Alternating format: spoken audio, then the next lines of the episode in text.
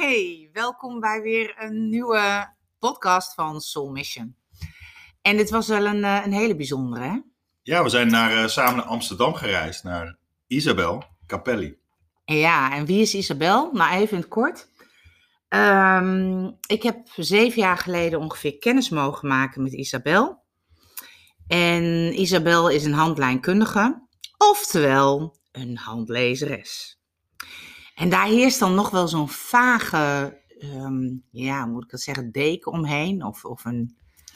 Ja, het is een, ik denk dat veel mensen er niet bij kunnen of niet willen geloven. Of, Ja, dat nog aan de kermis relateren. Ja, dat, hè, ja. Een waarzegger. ja. Ehm, maar wat ik echt kan zeggen, dat ik zeven jaar geleden totaal eh perplex was eh, wat er allemaal in mijn hand te lezen is. En Isabel is ehm, ja, de famous one of Amsterdam. Mhm. Want eh, je kunt gerust eh, twee à drie maanden wachten voordat je haar überhaupt eh, kan spreken. Met Ja. haar wachtlijst. Ze zei, de- om de publiciteit hoef ik het niet te doen, zei ze. Nee, dat is echt zo. En ehm, ehm, het, het is dankbaar dat ze tijd heeft mogen Ja, maken. Echt geweldig. Want het is, zij zegt het eigenlijk, en dat sluit heel erg aan ook op Soul Mission. Waar eh, kun je nou eigenlijk kennis maken met je potentieel? Nou, dat zit in je, maar zij zegt ook: het potentieel is te herkennen in je hand. Dus alle lijnen die daarin staan, in, in het midden van je hand, en de toppen, die voor ieder mens op deze aardbol ehm, anders is. Ja, en dan gaat ze je hand lezen. Nou, dan maakt ze een afdruk. En dan is het eigenlijk hoe dan? Hè? Ja, ik heb het voor het eerst mogen ervaren. Ja, En eh, ze, ze gaat eigenlijk, neemt ook een duik in het verleden. Dus ze kan ook zien wat er in je verleden heeft gespeeld. En echt op leeftijd, eh, ja, ja, exact dat er bepaalde veranderingen zijn geweest. En, maar ze gaat ook naar de toekomst, dus het potentieel. En ja, Ja. Wat, waar we naartoe mogen. En dat was wel echt, echt indrukwekkend. Ja niet zozeer van eh, je krijgt eh, zoveel kinderen of eh, je ontmoet je ware liefde of dit is jou, maar Nee. meer van wat staat er in je hand? Heb je meer leiderschap in je? Of ben je een creatief iemand? Of ja, eigenlijk alles vertaalt zich in, in je hand. En wat is de relatie tot je familie? Ehm, vrienden, reizen. Er is heel veel te lezen in je hand. En wat ook nog eens een keer heel erg concreet is. Dus het was een, eh, een hele bijzondere ervaring. En de reden eh, waarom ik haar heel graag wil podcast of interviewen, is dat ik weet dat haar verhaal enorm inspirerend is. Ehm, ze is in Argentinië geboren. Uiteindelijk ehm, met het regime daar naar Nederland eh, toegekomen.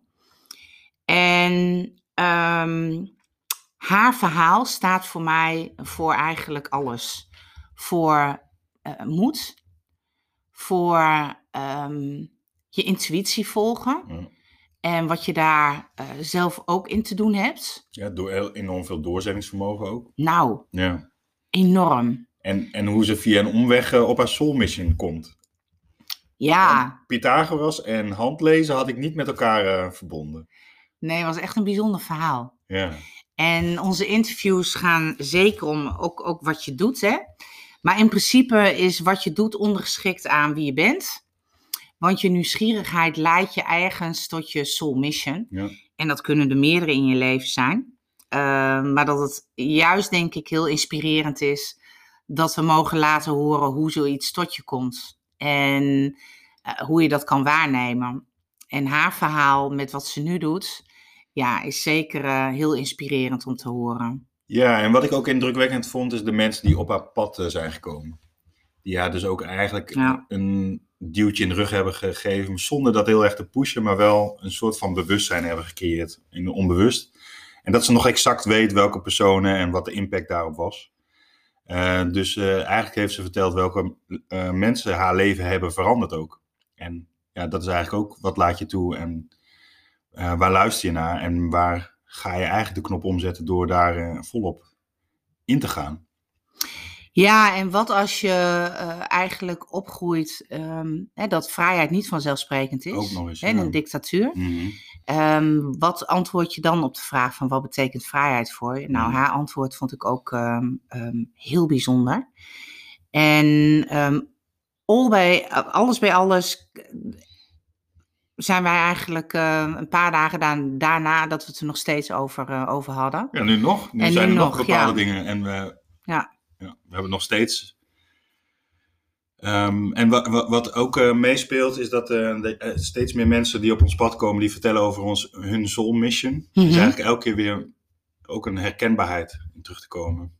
Dus Ja, en wat, we, ja, en wat we ook graag echt willen, wi- willen mee inspireren is dat dat niet in een kader zit vaak.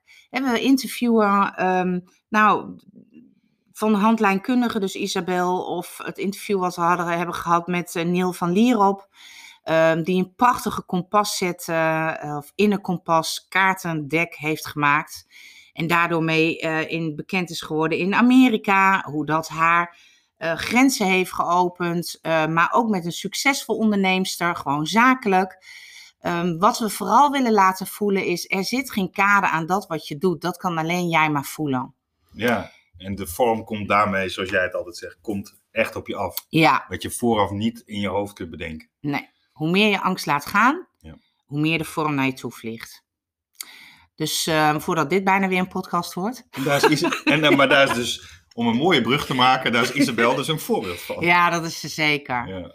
Ehm, Isabel, ik, eh, wij weten dat je dit hoort. Eh, nogmaals, een ongelofelijke dikke dankjewel. eh met een dikke knuffel erbij. Ehm, voor alles wat je ons hebt gebracht. En voor jou, als je dit gaat luisteren. Laat ons weten via ehm eh, info.soulmission.nu. comments of een vraag. En die delen wij weer heel erg graag. Enjoy en laat de liefde stromen. Enjoy.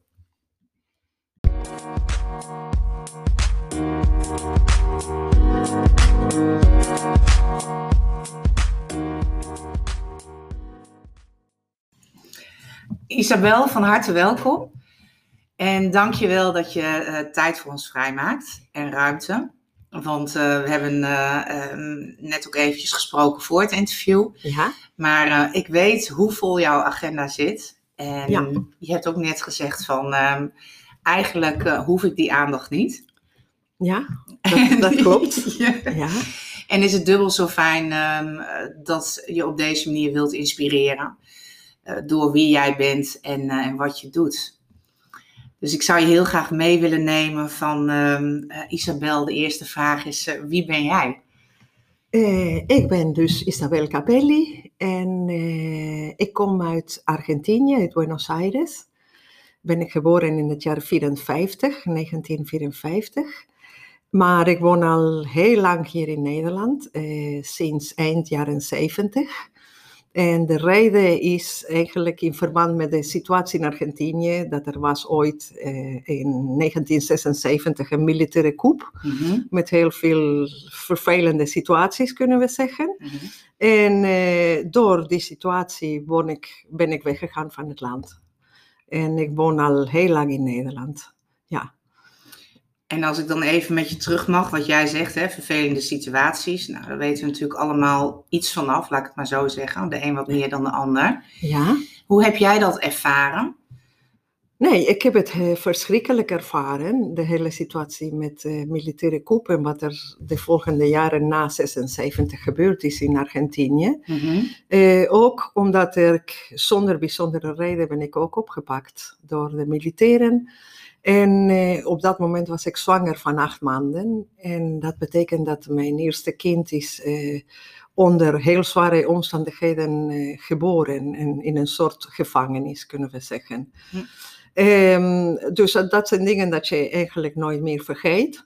En eh, het is een heel zware stempel ergens. Vooral als je in de twintig bent. ja. En in die tijden een beetje flower power. Ik verkocht eh, zelfgemaakte dingen op, eh, in een kunstmarkt in Buenos Aires. Ik studeerde ook tegelijk, maar ik bedoel, eh, logisch met die situatie. eh, onze beslissing was er liever weg. Eh, want je kon blij zijn als je kon leven nog. Mhm. Als, als, je nog eh, als je niet vermoord was. En als je kind niet gestolen werd. Want dat gebeurde met heel veel mensen in Argentinië. dat, is, eh, dat waar het kind gestolen is en gegeven aan familie van militairen of van politie. Dus uh, gezien dat we gaan en dat allemaal overleefd, uh, was de beslissing om weg te gaan. En, uh, en zo, zeg maar, op een bepaalde manier ben ik in Nederland terechtgekomen. En hoe is dat dan als je van je geboorteland, Argentinië, in Nederland terechtkomt? Hoe is dat? Eh, nou, het is net alsof je gaat naar een andere planeet, een beetje. Vooral in die tijden, want eh, de eind jaren 70 in Nederland waren super gericht naar vrijheid, et cetera. Mm. En dan kwam ik van een land met, een, met militairen aan de macht. Ja. Dus het is logisch even wennen aan, aan, aan wat je meemaakt. En eh, persoonlijk was ik meteen heel erg onder de indruk van de vrijheid. Het thema vrijheid in Nederland was dus iets dat ik niet kende. Hm. Uh, ik was heel erg onder de indruk. En ik was aan één kant logisch meer dan getraumatiseerd door alles wat gebeurd hm. was. Maar tegelijk erg gecharmeerd of heel erg onder de indruk van de plek waar ik was terechtgekomen. En weet ik nog dat ik was, ik weet niet, niet uh, ik weet eerlijk gezegd niet meer hoe lang was het al dat ik in Nederland was.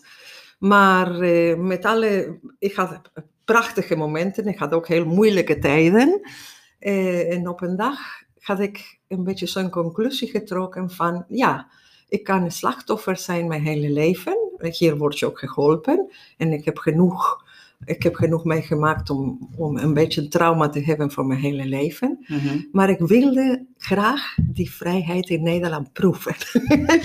uh, ik was erg onder de indruk en toen heb ik een beetje, eh, zeg maar, andere beslissingen genomen eh, om, eh, zeg maar, het leven door te zetten, om niet alleen maar bij de trauma te blijven, et cetera. En, uh, logisch, ik had uh, uh, kinderen. En eentje, de eerste geboren in de gevangenis en de tweede geboren in Europa. En dat helpt ook, tenminste in mijn geval, het hielp enorm om door te zetten en proberen iets positiefs van te maken. En logisch dat dat is een thema, net als hier wordt altijd gepraat over de Tweede Wereldoorlog en het is al heel lang geleden. Er zijn dingen dat je niet kan zomaar vergeten, wil ik ook niet vergeten. Dat draag je een beetje bij jezelf. Maar, eh, maar dat betekent niet eh, dat je moet een slachtoffer zijn de hele leven. Dus eh, eh, in principe eh, super gecharmeerd door, door de vrijheid. En eh, nou, en zo begonnen we hier vorm te geven aan het leven, zeg maar. Niet makkelijk, mm -hmm. want ik sprak niet eens Engels, alleen maar Spaans. Uh, mijn diploma van Argentinië was hier niet geldig. Dus ik kon niet echt werken. Uh, ik heb uh, scheikunde. ja, ja, afgestudeerd ja, scheikunde. Scheikunde ja. afgestudeerd, maar hier moest ik nog twee jaar studeren om mijn diploma geldig te maken. Hm. Maar ik had kleine kinderen en ik sprak de Nederlandse taal niet, dus het is een beetje moeilijk om ook naar school te gaan. Dus uh, eigenlijk ehm, heb ik besloten om wat anders te doen. En via, via, via, via, ik was denk ik zes maanden in Nederland ongeveer. En zes maanden later kon ik werken bij de Berlitz School. Dat is dus een taleninstituut, die was op de Rokin. Dat ik weet e-, eerlijk gezegd niet of het nog bestaat. Um, en daar begon ik les te geven, want ik kom van een familie... Ik heb dus niet echt een diploma over literatuur of, of mm -hmm. over de Spaanse taal. Maar ik kom van een familie die wel eh, zeer geïnteresseerd is in boeken en literatuur. En eh, ze hebben mijn examen genomen, weet ik nog. En ik heb die examen heel goed gedaan. En toen was ik meteen aangenomen als lerares Spaans. En zes daar, maanden later al? Ja, ja, zes maanden later. En eh, nou, en zo begon zeg maar een beetje een, ook een andere leven. Uh, de lessen dat ik gaf waren alleen maar in het Spaans en dat was de bedoeling van de Berlitse school. Mm -hmm. Tegelijk, ook met kinderen begin je dus de Nederlandse taal te leren. En ik, ik, ik, heb eerst geleerd Engels, want dat is eerlijk gezegd makkelijker om te leren. Ja, geloof ik. Uh, maar, uh, maar goed, heb ik ook Nederlands geleerd. Heb ik, ben ik een tijd gegaan naar de Vrije Universiteit, dat je kon daar een beetje vrij met cassettebandjes de Nederlandse taal leren. Ja. Dus dat heb ik ook gedaan. Dus je was eigenlijk werkzaam um, in de Spaanse taal? Ja, leren. ja. En tegelijkertijd ehm, ben, je gaan, ben je Engels gaan leren. Ja, en dat een beetje zomaar met vrienden, eh, niet op school. En ik ging naar de Vrije Universiteit om de Nederlandse taal te leren. Dus dat, want ik, bedoel, zonder de taal kun je logisch niet functioneren, vind ik. Nee. Eh, dus dat, dat is een beetje het begin, eh, met kinderen op school. Hè? En een zeer getraumatiseerde partner, want Mhm. eh, hij, hij heeft het... eh, er is nog steeds familie van hem vermist in Argentinië, tot de dag van vandaag. Dus hij had het echt heel moeilijk. Eh, dus we hadden eigenlijk moeilijke tijden. Het was niet alles zo, zo simpel of zo makkelijk. Maar goed. Maar dat is eigenlijk wel heel bijzonder, hè? dat je dan zegt ehm, eh, dat je het ook nog kan herinneren, dat er dan een moment komt en dat je dan ergens besluit van ik ben geen slachtoffer, hè, maar ik wil leven. Eh, ja, en ik wilde vooral meemaken het thema vrijheid. Vrijheid, dat was voor mij een nieuwe concept. Wat, En, wat eh, betekent vrijheid voor jou? wat betekent vrijheid? Ik was onder de indruk, eh, nummer één, eh, dat respect tussen mensen die hier was. Mhm. Eh, een, een totaal andere maatschappij, dat ik niet zo gewend was. Mhm. Eh, eh, vrijheid van beweging, vrijheid van ideeën in, in, in, in alle opzichten eigenlijk, niet alleen maar één ding. Dus dat vond ik heel leuk en ik kan me nog herinneren toen mijn kinderen naar de school gingen, lagere school bedoel ik, Mhm. ik, ik kon dus zeer verrast zeggen van, ah, in Nederland leer je denken. ik kon dat zeggen. Eh, dat vond ik een verschil met Argentinië in die tijden. En ehm, nou, dat was heel erg gecharmeerd, heel erg onder de indruk van een totaal andere maatschappij. Dus eh, ja, en ik kwam echt van een familie van intellectuelen, hè, waar, Mhm. waar leren absoluut aanwezig was in Argentinië, voor mij tenminste. Maar het is een totaal andere ervaring, kunnen we zeggen. Dus ik was heel erg onder de indruk hier van wat je kon allemaal ook bereiken, logisch, als je kan denken. Ja. Ja. dan kom je echt een soort van op een andere planeet, hè, zoals je zegt. Ja, ja. ja. En ehm, wat ik heel mooi vond om te lezen, is dat een grote inspiratie van bron van jou is eh, Pythagoras. ja. En waarom is dat een belangrijke Eh, inspirator? Want eh, door de studie scheikunde heb ik heel veel wiskunde geleerd. En eh, ik had eh, echt een soort liefde voor Pythagoras. Ik had echt een soort, eh, zeg ik soms, mijn twee grote liefden zijn John Lennon en Pythagoras. Oh ja, dan, noem je er even twee. Eh, dus, eh, en met Pythagoras bedoel ik via... Eh, ik las alle boeken over Pythagoras. Ik was totaal onder de indruk van, van de getalen. En via Pythagoras en lezen over Pythagoras heb ik ontdekt een andere soort energie of waarde van de getalen. Dus niet alleen maar wat je leert bij wiskunde, 1 plus 1 is 2, eh, of de stelling van Pythagoras, die is aardig bekend. Ja, Maar eh, een, een soort een trilling, een soort energie van getalen. En dat heb ik van, eh, gewoon van boeken lezen over Pythagoras geleerd. En zo begon ik mijn interesse over getalen en andere eh, waarden van de getalen. En niet alleen maar wat je kent via wiskunde.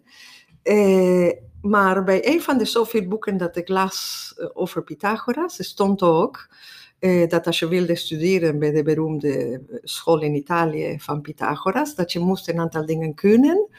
En ehm, je moest dit en dit en dat kunnen. En de laatste wat Pythagoras deed, was kijken naar je hand en zeggen of je geschikt was voor zijn school of niet.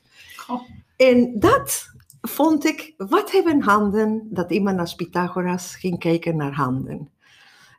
En, eh, dus ik was altijd zo'n beetje bezig met boeken, ook over verhalenkunde, ah, numerologie, want numerologie is een beetje een andere aanpak over getalen. Mhm. Ehm, zo is eigenlijk iets begonnen eh, waar eigenlijk Pythagoras was mijn inspiratie om verder mezelf in te diepen en niet zozeer eh, te praten over de stelling van Pythagoras, Mhm. maar meer over andere waarden van getalen en de betekenis van getalen. Ehm, en dat heb ik allemaal via Pythagoras ontdekt. Ja, bijzonder hè? En logisch, daarna ga je andere boeken lezen, et cetera, et cetera. Eh, en dan kom je dus ook andere verhalen. Hè? Net als bijvoorbeeld een lange, of een lange tijd, een tijd in mijn leven was ik ook heel erg geïnteresseerd over de Maya's. Ja. En door, ook door Pythagoras eh, heb ik allemaal, allemaal dingen geanalyseerd over de Maya's, eh, de Maya-kalender, et cetera. En daar zijn er ook getallen. Eh, nou, en als je gaat verder jezelf in verdiepen, dan merk je ook een andere waarde van de getallen. En niet alleen maar 1 plus 1 is 2. En dat hadden de Maya's ook. Dus eh, ehm, het getal is uh, voor mij erg indrukwekkend, het thema getal. Uh, en tegelijk ik ging verder lezen over handen. Ik, ik, kwam ik een boek tegen over handen. Ik ging dus dat zeg maar kopen en bestuderen. verder niks.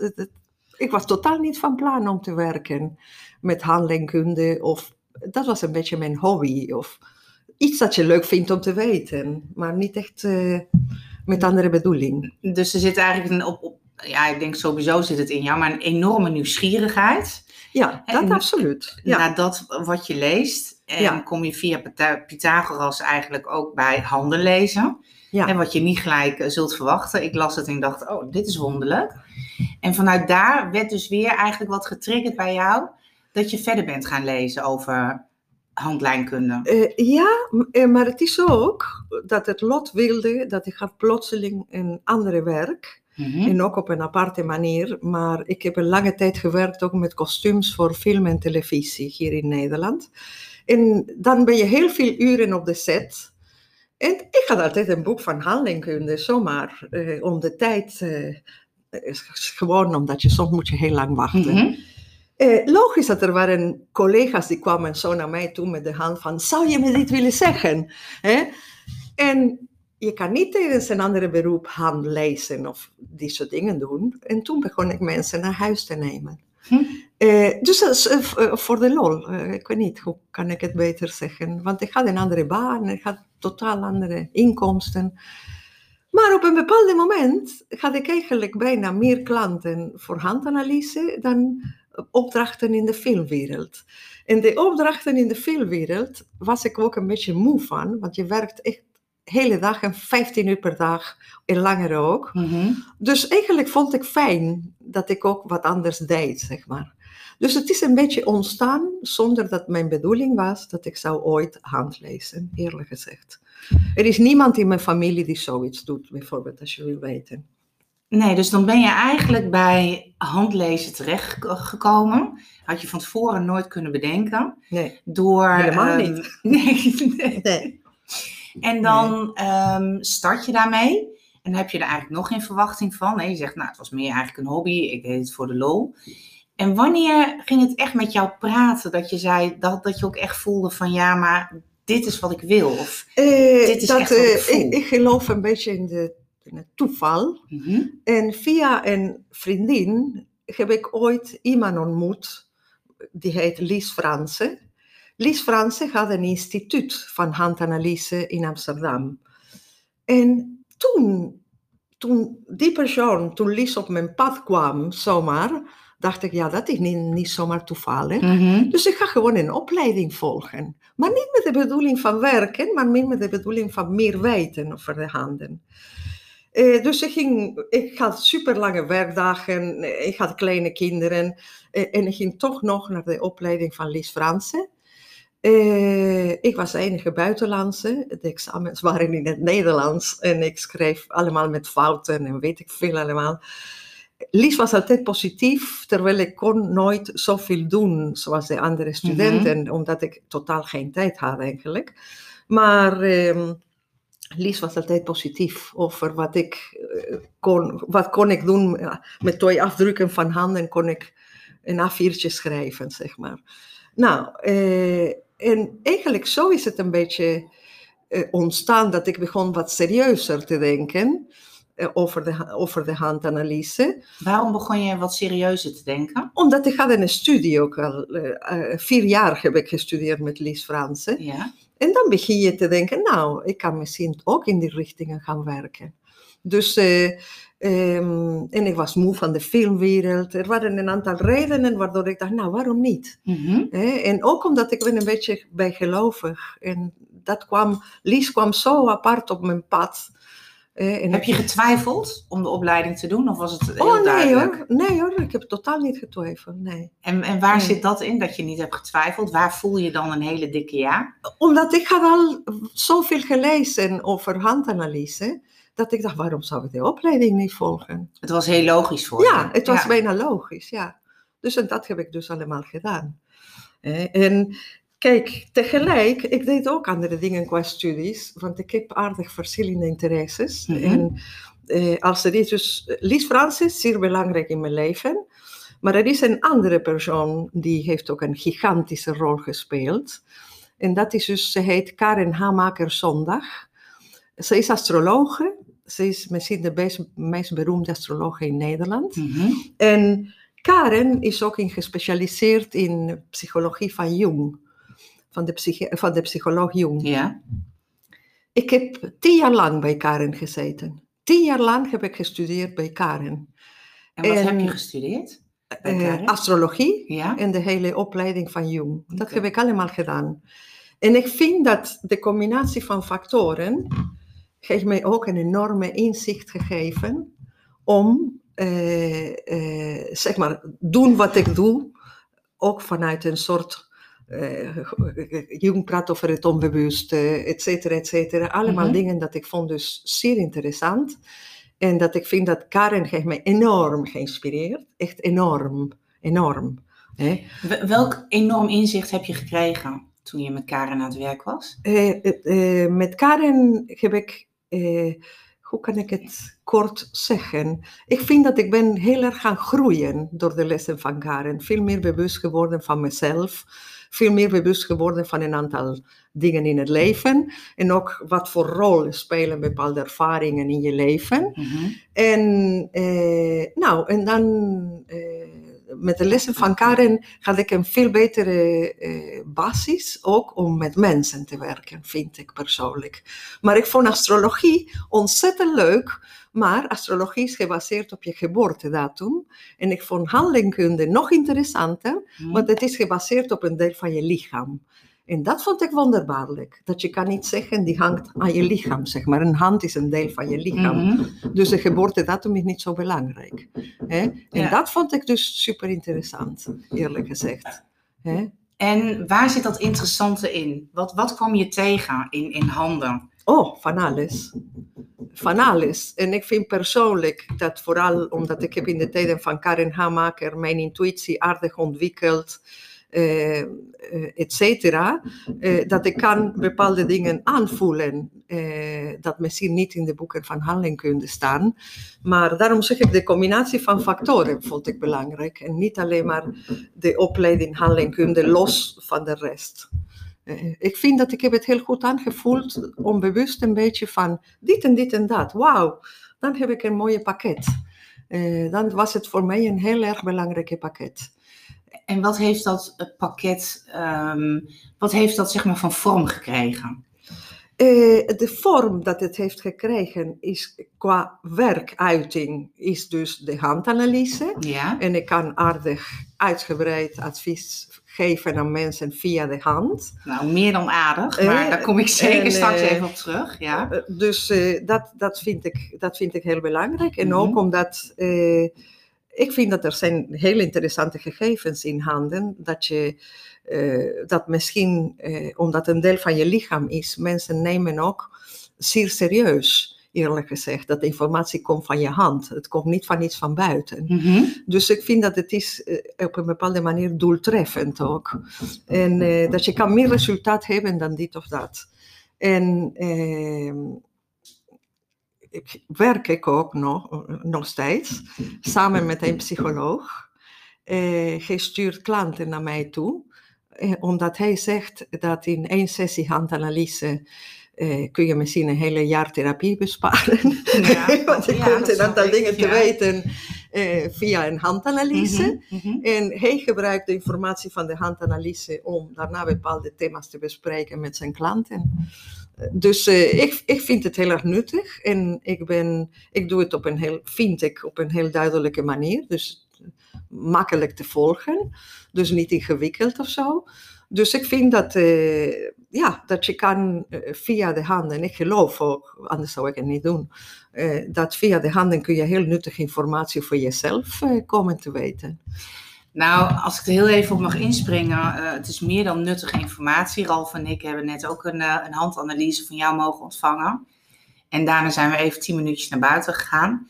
En we zeiden ook tegen elkaar, het is ongelooflijk. Je kunt zelfs op het jaartal zeg maar zeggen, hè, op, op de leeftijd, ja. wanneer de dingen echt zijn veranderen, uh, veranderd in, in ons leven. Um, het heeft eigenlijk zoveel specifieke details, kun je zeggen dat um, ja, het gaat helemaal weg bij het zweverige. En, en dat, die stempel heeft het soms nog steeds. Maar um, kun jij je erin vinden als ik zeg van eigenlijk is het onderbewuste wat door je handen heen praat? Uh, je mag het wel zo noemen, uh, want ik, ik vind dat zonder de studie dat ik heb gedaan met Karen Hamaker, uh, zou ik niet de handen zo goed kunnen lezen zoals ik het doe. Uh, dus uh, de intuïtie of uh, zeg maar het gevoel, speelt, dat speelt een enorme rol voor mijn interpretatie. Het is niet alleen maar, in het begin begon ik te denken, hoe kom ik aan die informatie? Hoe weet ik dat? Dus dat ik geen een boek, zou dat kloppen of zo? Mm -hmm. Maar toen, op een bepaald moment, was ik gewend dat het zo was. Gewoon zo was.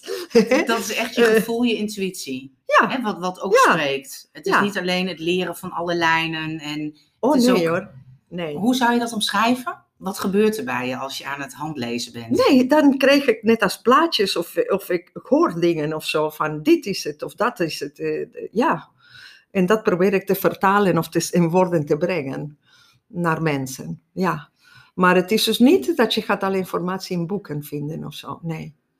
Het is dus eigenlijk alles wat bij elkaar, wat je zegt, hè? of het nu Pythagoras, dat, dat is een inspirator geweest, maar ook Karin. Ja, Ehm, en er zijn dus heel veel verschillende mensen ook geweest die jou weer dichter bij je intuïtie hebben gebracht. Eh, ja, maar ik noem je nu de belangrijkste eh, mensen die. eh, want bijvoorbeeld Lies Fransen met de examens dat ik deed en ze wist dat ik niks ging studeren, want ik had geen tijd of zo. Eh, Lies heeft altijd gezegd van, nou ongelooflijk wat je kan eruit halen van deze afdruk. Eh, dus Lies heeft me heel erg, zeg maar, meer dan een keer genoemd over de intuïtie en het gevoel wat goed dat je dat gebruikt en dat je niet alleen maar letterlijk eh, noemt, alleen maar wat je hebt toevallig in een boek gelezen of zo. Dus ik werd gestimuleerd in de positieve richting. En, eh, en ik kan je nog meer zeggen, eh, met Karin Hamaker had ik eh, na de eerste jaren studie van Jung, ik ben zelf naar haar toegegaan en ik zei, ik wil de studie de eerste jaar opnieuw doen. Eh, want ik vind dat ik de Nederlandse taal niet goed, eh, weet je, dat er zijn misschien dingen dat ik niet, eh, niet goed begrijp, et cetera. Omdat de Nederlandse taal is toch niet mijn taal en de boeken van Jung zijn heel moeilijk, ook in Mhm. het Spaans. Mhm, mhm. Eh, en Karen, nee, je gaat toch niet de eerste jaar opnieuw doen. nee, ver- vertrouw dat je hebt genoeg geleerd, je gaat het merken in de praktijk, bla bla bla. En ze gaat totaal gelijk. Ik, eh, later kon ik eh, in de praktijk zien wat Karen bedoelde. Eh, door omstandigheden van het leven merk je, oh ja, dat heb ik geleerd. Oh ja, dat heb je gelezen in het boek van Jung. Eh, ja, Dan zijn het allemaal puzzelstukjes en op een gegeven moment zie je de afbeelding. Ja, ik Zo. vind van wel. Ja. Ja. Ja, Maar je moet durven eh, eh, je intuïtie, naar je intuïtie te luisteren. Eh, je intuïtie vertrouwen, ehm, dat moet je durven. Ja. Hoe dan? Hoe vertrouw je je intuïtie? Eh, ah, ik vind dat als je een paar keer in het leven merk je dat de, je gevoel of de intuïtie gelijk heeft, dan kun je liever, liever jouw intuïtie geloven dan alleen maar bezig zijn met je hoofd. En met denken en denken dat, dat je gedachten eh, alleen maar de waarheid zeggen. Want het is niet altijd zo, vind ik. En, en hoe kun jij dat onderscheiden, jouw denken en het voelen, de intuïtie? Want die heb je echt wel heel erg nodig gehad in, nou, nu al heel kort je levensverhaal. Eh, ja, maar ik, ik, ik denk dat ik heb altijd mijn gevoel heel erg gewaardeerd of zo. Ik denk dat als kind, ik merkte al dat mijn gevoel wat zei of zo. Mhm. En dat heb ik altijd geluisterd naar mijn gevoel. Eh, en ik vind dat, eh, ja, dat het gevoel gelijk heeft. Eh, en niet alleen maar je hoofd.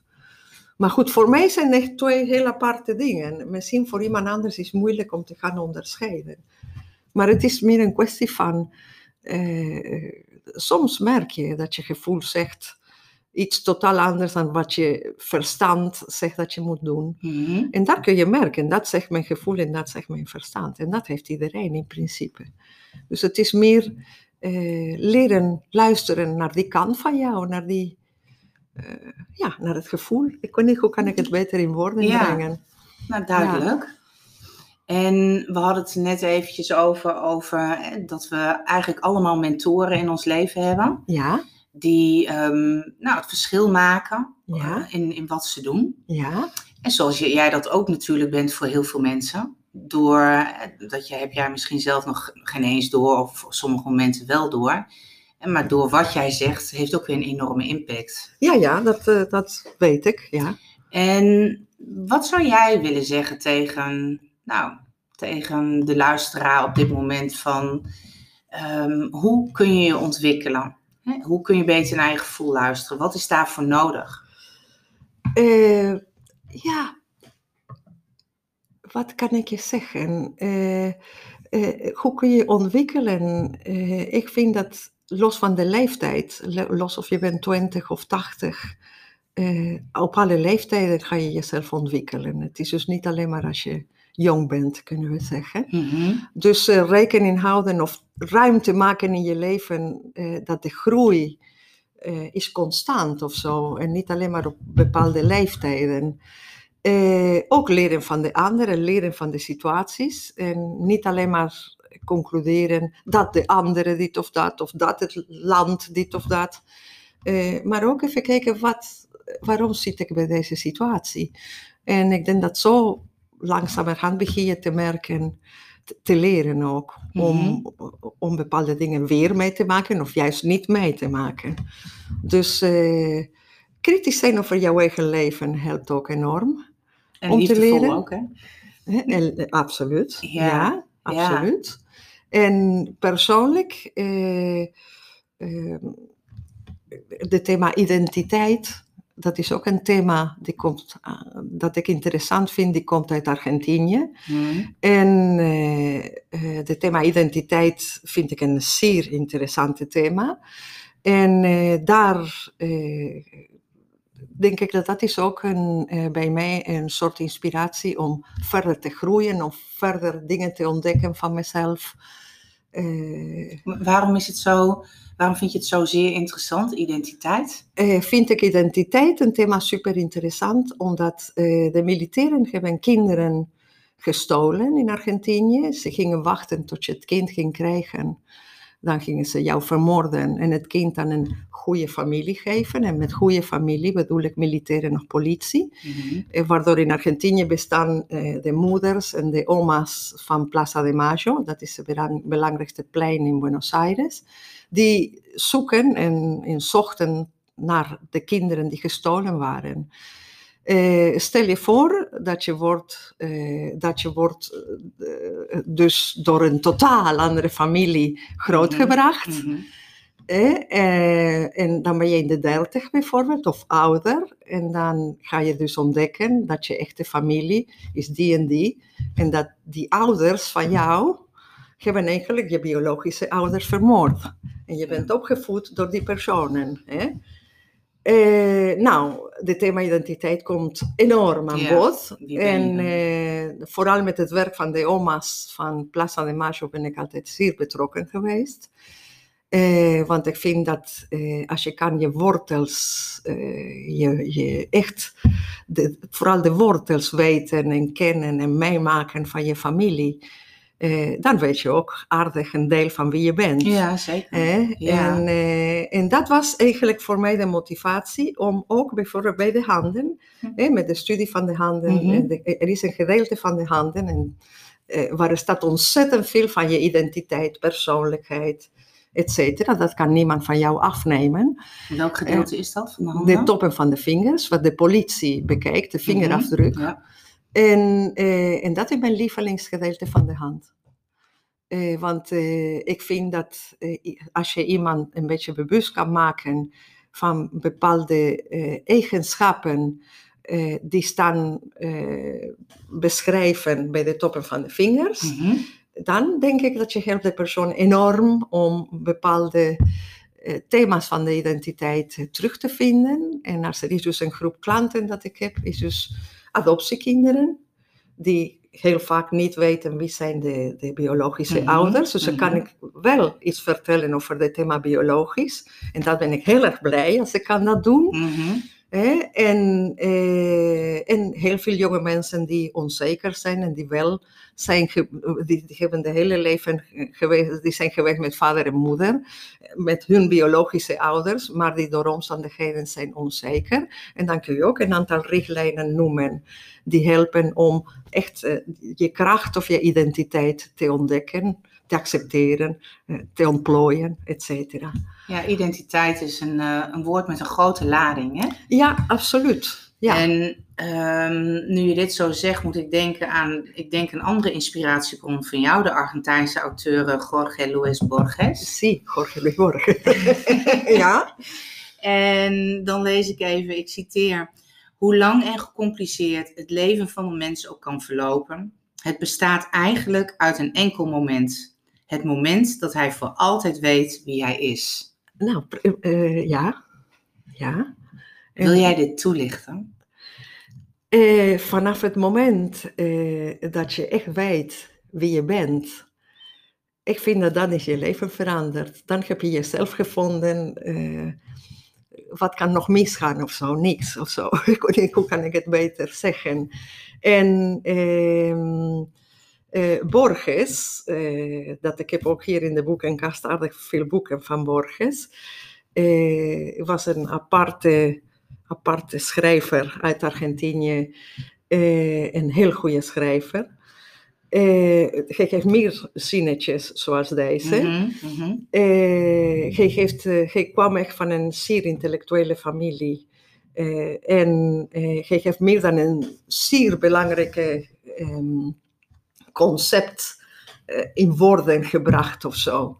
Eh, maar ergens, als je niet echt weet wie je bent, eh, ik weet niet.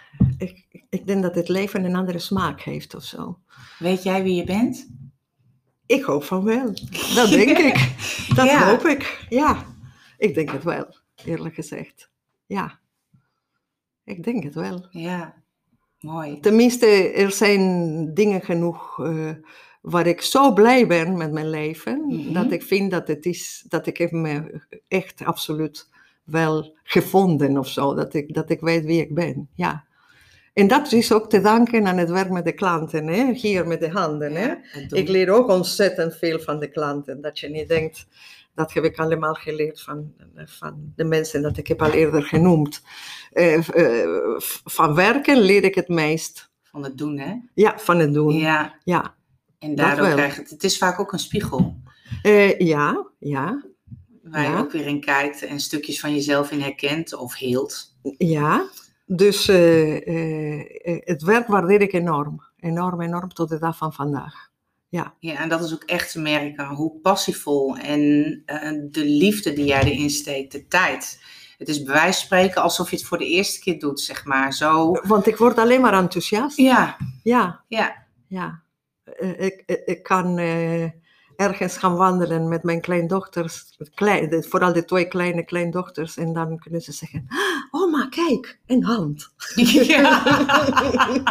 Van iemand die zomaar langskomt. Ja. Want ze weten dat ik vind dus handen leuk.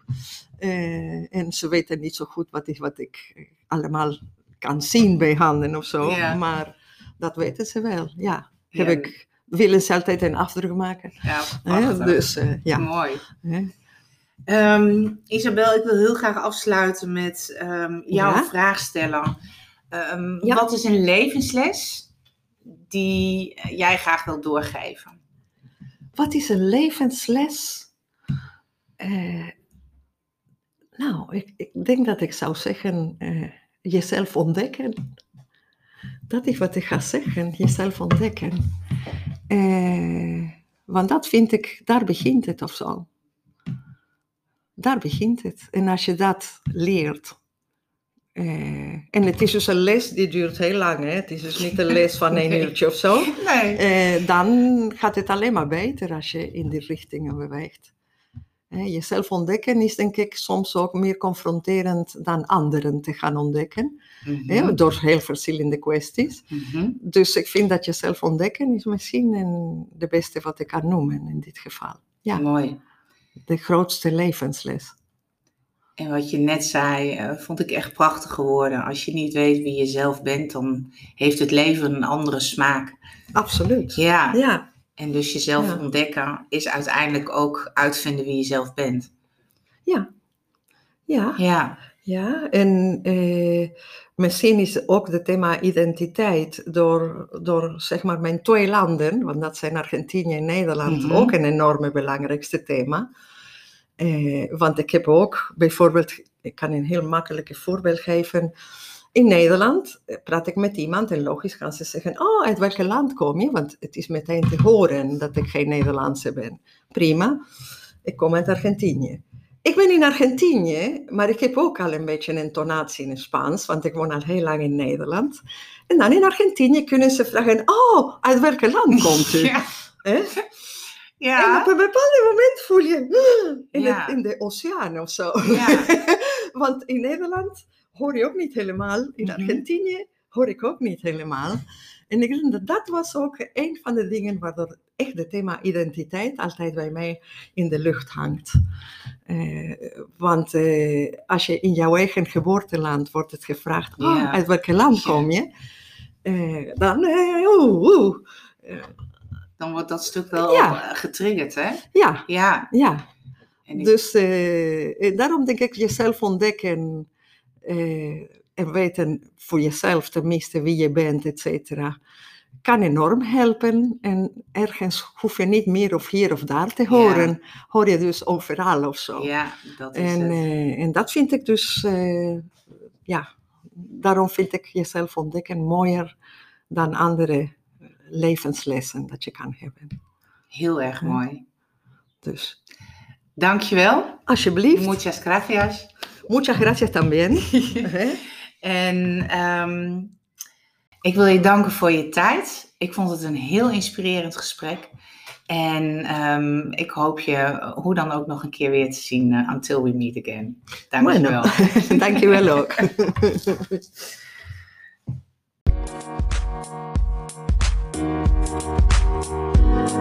Thank